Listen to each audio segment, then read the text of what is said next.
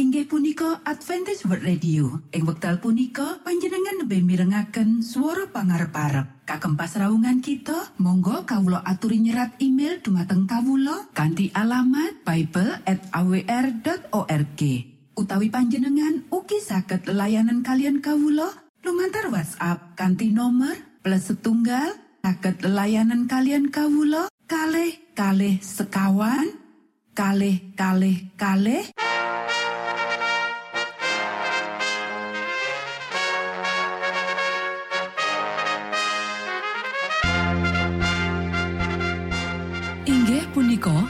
Adventis World Radio ingkang giaran kanti basa Jawi. Tentrem Rahayu Kulo aturaken kagem poro Mitra kinasih ing pundi papan lan panggonan. Sugeng pepanggian malih kalian Adventis World Radio. Kanti bingahing manah Kulo badi sesarengan kalian poro Mitra kinasih lumantar saperangan adicara ingkang sampun rinonci mligi kagem panjenengan sami. Mugi giaran punika saged migunani tuwin dados berkah kagem kita sedaya. Sugeng midhangetaken Gusti amberkahi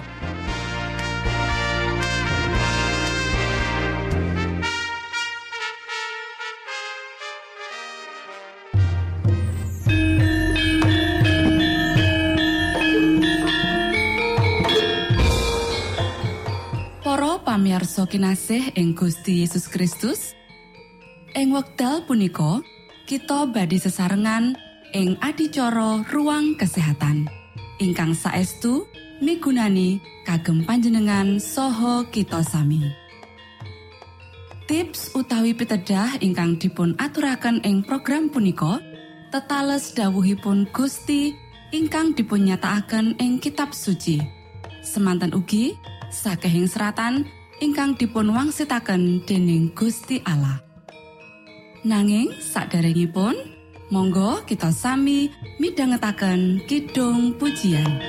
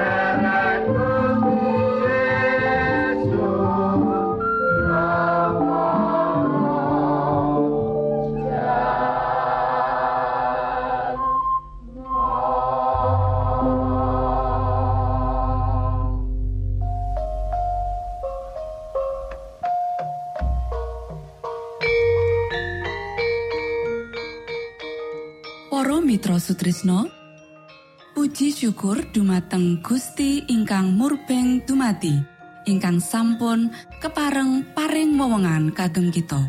Satemah saged nglajengaken ruang kesehatan. Pirembakan kita semangke kanthi irah-irahan.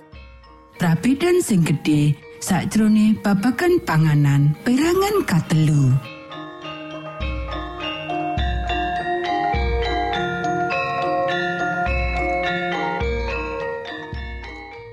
Dumateng para pamiarsa ingkang dahat kinurmatan sugeng pepanggian malih kalian kula Isti Kurnaidi ing adicara ruang kesehatan ing dinten punika kanthi irah-irahan prabedan sing gedhe sakjrone babagan panganan perangan katelu Para sedherek ingkang kinasih ing episode kang kapungkur kita wis nyinau babagan prabedan sing gedhe sakjroning bab panganan. Saiki kita bakal nerusake nyinau babakan prabetan sing gedhe sakjroning panganan iki sabanjure. Para sederek kabeh kudu sinau opo sing bakal dipangan lan kepiye carane nglatekake. Kaum pria kaya uga kaum wanita perlu mangerteni carane nglatekake panganan sing prasaja nanging nyihatake. Amarga urusan bisnis, dheweke asring ana ing panggonan ing ngendi dheweke ora bisa entuk panganan sehat. Mula, menawa dheweke duweni pangerten masak-masakan, dheweke bisa migunakake. Para sederek pertimbangno kanthi teliti menu pangananmu. Sinaunen faktor sebab lan akibate. Tuwohno pengendalian diri. Jaganen supaya selera tetap ono sangisore pengendalian akal sehat. Ojo nganti nyalahgunakake weteng kanthi mangan kakean nanging ojo uga ngrampok awake dhewe kanggo panganan nyehatake lan lesat sing dituntut dening kesehatan. Pemikiran-pemikiran sing cekak saka sebagian uwong sing pengin tadi pembaharu kesehatan wis banget ngerusak marang usaha kesehatan. Para penganut kesehatan kutu kelingan menawa reformasi panganan bakal dipiji kanthi cara ombo kanthi suguhan sing disiapake ing meja nedha. Lan ganti nggunakake pola sing bakal ngregeti, dheweke kudu meni conto pelaksanaane prinsip-prinsip supaya nganjurake marang wong-wong sing pandangane tulus. Ono sekolongan gede sing bakal nentang sawijining gerakan pembaharuan. Kaya ngopo wae iku mlebu akal. Menawa bab iku mbatesi selera. Para sederek, Wong-wong ndewakake selera kantine penalaran utawa aturan-aturan kesehatan. Dening kelompok iki, kabeh sing ninggalake dalan pakulinan lawas lan belo reformasi bakal dianggap radikal. Kaya ngopo wae konsistene usahane iku. Supaya wong-wong iki ora duweni alasan kanggo ngritik, para penganut kesehatan ora oleh nyoba nonton kaya apa bedane dheweke saka wong liya. Nanging sak bisa-bisane kudu nyeraki dheweke tanpa ngurbanake prinsip. Para sederek, saben-saben wong sing melu njupuk bagian sakjroning pertandingan nguasani dirine sakjroning kabeh bab. Dheweke nindakake mangkono kanggo mulai sawijining makutha sing fana. Nanging kita kanggo ngentuki sawijining makutha sing langgeng. Menawa wong-wong sing belani reformasi kesehatan kebangetan, Ojo gumun menawa akeh wong sing nganggep dheweke iki dadi para penganjur prinsip kesehatan nolak reformasi iku babar pisan. Sikap kebangetan kaya iki asring nekakake luwih akeh bebaya sakjroning wektu sing celak dibandingake sing bisa ditandani dening panguripan sing konsisten sak suwene urip. Para sederek, reformasi kesehatan didasarake marang prinsip-prinsip sing ombo lan jangkauane atoh. lan kita ora entuk ngremehake kanthi pandangan-pandangan lan tindakan-tindakan sing cekak. Nanging ora wong sijio entuk ngidinake perlawanan utawa cemoohan utawa uga kepingin kanggo nyenengake utawa mengaruhi wong liya supaya ngalihake dheweke saka prinsip-prinsip sing bener utawa gawe dheweke ngremehake prinsip-prinsip iku. Wong-wong sing dikuasani dening prinsip bakal teguh lan mantep belo sing bener. Nanging sakjroning kabeh sesrawungane, dheweke bakal nuduhake roh Sang Kristus sing pemurah lan kaprasajan sing sejati. Matur nuwun, Gusti amberkahi.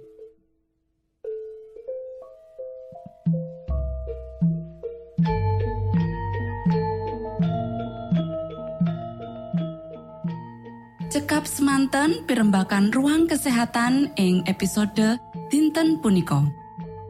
Ugi sampun kuatos jalaran kita badhe pinanggih malih ing episode sak lajengipun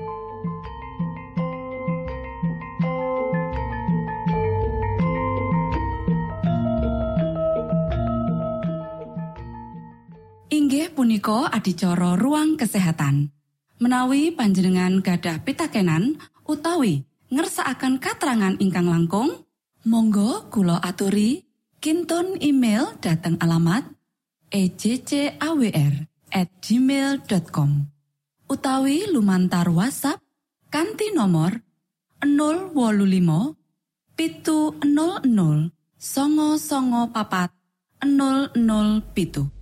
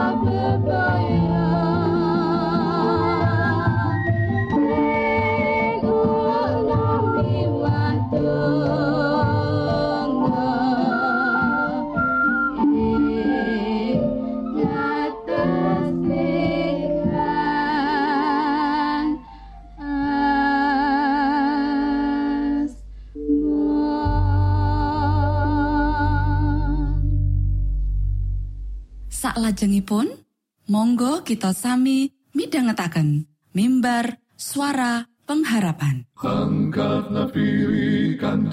pawarto Sang Kristus paderamu. Pro umat samyo puji asmanyo Sang Kristus paderamu. Inggih punika mimbar suara pengharapan ing episode punika kanthi irah-irahan jagat iki minangka lahan saka misi. Sugeng Suyo minangka tondo Sang Kristus paderamu Ilmu kawero tambah tambah Sang Kristus paderamu Paderamu Paderamu Sang Kristus paderamu Shalom para pamiarsa ingkang kinasih wonten ing Gusti sakmenika kita badhe mitangetaken renungan Sabto pangantikanipun Gusti. Ing dinten punika kanthi irah-irahan jagat iki minangka lahan saka misi Para sedherek ingkang kinasih monggo diwaca dawuh pangantikanipun Gusti ing kitab Wahyu pasal pitu ayat songo lan 10 Sakwise mengkono aku weruh. Lah ana golonganing wong akeh kang cacahe tanpa wilangan saka saking bangsa lan taler tuwin golongan sarta basa. Ngadeg ana ing sangarepe dampar lan ing ngarsane sang cempe. Padha nganggo jubah putih lan nyekel godhong kurma. Iku padha nguwuh kalawan swara seru. Karahayon punika sayukya kadarbe ing Allah kawula ingkang lenggah ing dampar saha ing sang cempe. Para sederek, piwulang iki kanthi miliki babakan rong ayat kang wigati banget, ya kuwi bab misi sing dipunjerake pemuritan sakjroning perintah agung ing pakabaran kitab Injil kang langgeng. Apike ana rong perangan tembung kang salah sawijine bisa nyambung nang endi misi iki dilakoni. Tembung ayat-ayat kuwi lunga dadekno kabeh bangsa iki siswaku. Matius pasal 18 ayat 19 lan marang wong kang padha manggon ana ing bumi lan marang satengah bangsa lan taler tuwin poso sarta golongan. Wahyu pasal 14 ayat 6. Ing tembung liya Injil Kristus kuwi gayuh kabeh kelas, bangsa, basa lan kaum. Pangribawa saka Injil iki ya iku kanggo nyawijikake wong-wong sing dislametake ing sakjroning wadah paseduluran kang agung. Kita mung duweni siji model kanggo ditiru, ya iku ana ing Sang Kristus. Menawa kita nampa kayekten kaya dene ana sakjroning Sang Kristus, prasangka lan cemburu secara bangsa bakal kasirnakake lan roh kayekten bakal nunggalake manah kita. Para sederek nalika Gusti Yesus ngendika, "Kowe bakal dadi seksiku." Lelakone para rasul pasal siji ayat wolu ana telung bagian wilayah kang beda ing penggali panjenengane. Kapisan, kowe bakal dadi seksiku ing Yerusalem. Nalika wektu iku, para murid isih cedhak karo Yerusalem. Mula ada dasar saka iku, Gusti Yesus ngendika, Wiwitono kanggo nyebar pengalamanmu karo Gusti Allah marang wong kang cedhak sisih kiwa tengenmu. Misi iki kawiwit saka omah, perayat, para tangga kiwa tengen lan para kanca. Kuwi minangka papan kang utama saka misi iki. Kang kapindo panjenengane banjur nerusake ing sadengah Yudea lan Samaria. Misi kita uga kalebu kanggo wong-wong sing katon cedhak karo kita, kang kegayutan sesrawungan nanging bisa uga ngadoh saka kita. Kang kalebu kelompok iki ya kuwi para wong-wong kang menawa basane padha karo kita, wong-wong kang duweni budaya kang padha nanging ora ngumpul utawa urip sakjroning realitas kang padha karo kita. Iki minangka daerah misi sakwise. Kang katelu Sang Kristus ngendika, nganti sak lumahing bumi. Misi Gusti Allah nimbali kita kanggo ngrengkuh pribadi-pribadi ing ngendi paran. Para bangsa, kumpulan wong, basa lan suku kuwi minangka area pungkasan saka misi kita. Para sedherek ingkang kinasih, dadi sawijining seksi kanggo sakabeh bangsa, pangatikane juru wilujeng, kowe minangka terangi jagat, nunjukake sawijining kasunyatan, menawa panjenengane wis mercayakake marang para pendereke sawijining misi kanggo salumaing jagat. Kaya dene sunare srengenge kang bisa nembus sudut-sudut bumi kang adoh banget, semono uga Sang Yehuwa wis ngerancang menawa kitab Injil kutuk disampaiake marang jiwa-jiwa ing bumi. Menawa Gereja Kristus wis ngayahi maksud saka Gusti Allah kita, banjur pepadang bakal sumunar marang sakabeh wong kang urip ing pepeteng lan ing ayang-ayangi wong mati. Kantine padha ngumpul bareng lan selak saka tanggung jawab serta selak kanggo mikul salibe Gusti. Para anggota gereja kutune sumebiar ing papan panggonan lan ngumbar sunare Sang Kristus sumunar saka dheweke. Makaryo kaya dene Gusti Yesus makaryo kanggo keselamatane jiwa-jiwa lan Injil kraton iki bakal sigra sumebiar ing saindenging jagat. Monggo kita sami ndedonga. Durama kawula ingkang wonten ing swarga, asma patuko mugi kasucikaken. Kraton patuko mugi rawuh, karsa patuko mugi kalampahan wonten ing bumi, kados dene wonten ing swarga. Kawula mugi kaparingan rejeki kawula sak cekapipun ing dinten punika.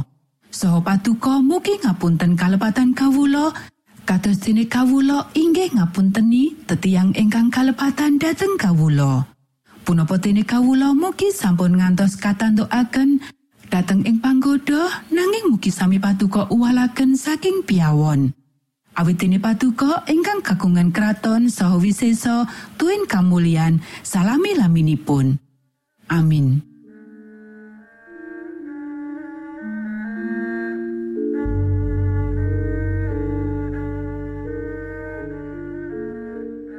Para Mitra Sutrisno pamiarsa kinasih ing Gusti Yesus Kristus sampun paripurno pasamuan kita ing dinten punika. Menawi panjenengan gadah pitakenan utawi ngersaakan seri pelajaran Alkitab suara nubuatan Monggo Kulo aturi kinton email dateng alamat ejcawr gmail.com utawi lumantar WhatsApp kanti nomor 025 pitu 00 songo songo papat 00 pitu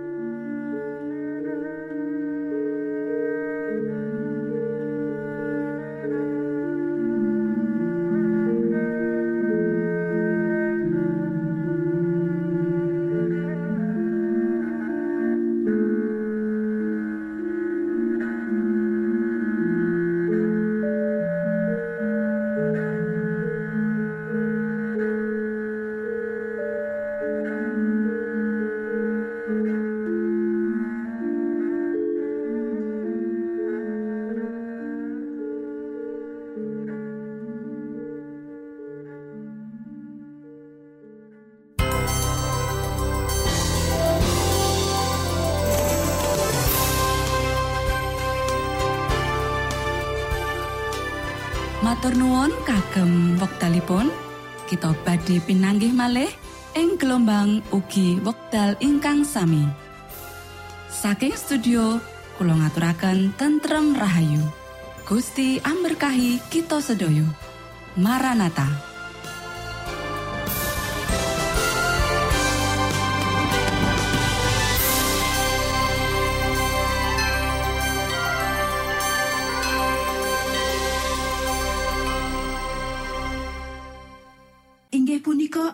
Adventist World Radio. Ing wekdal punika panjenengan lebih mirengaken suara pangarep-arep. Kagem pasraungan kita, monggo kawula aturi nyerat email dumateng kawula kanthi alamat bible@awr.org.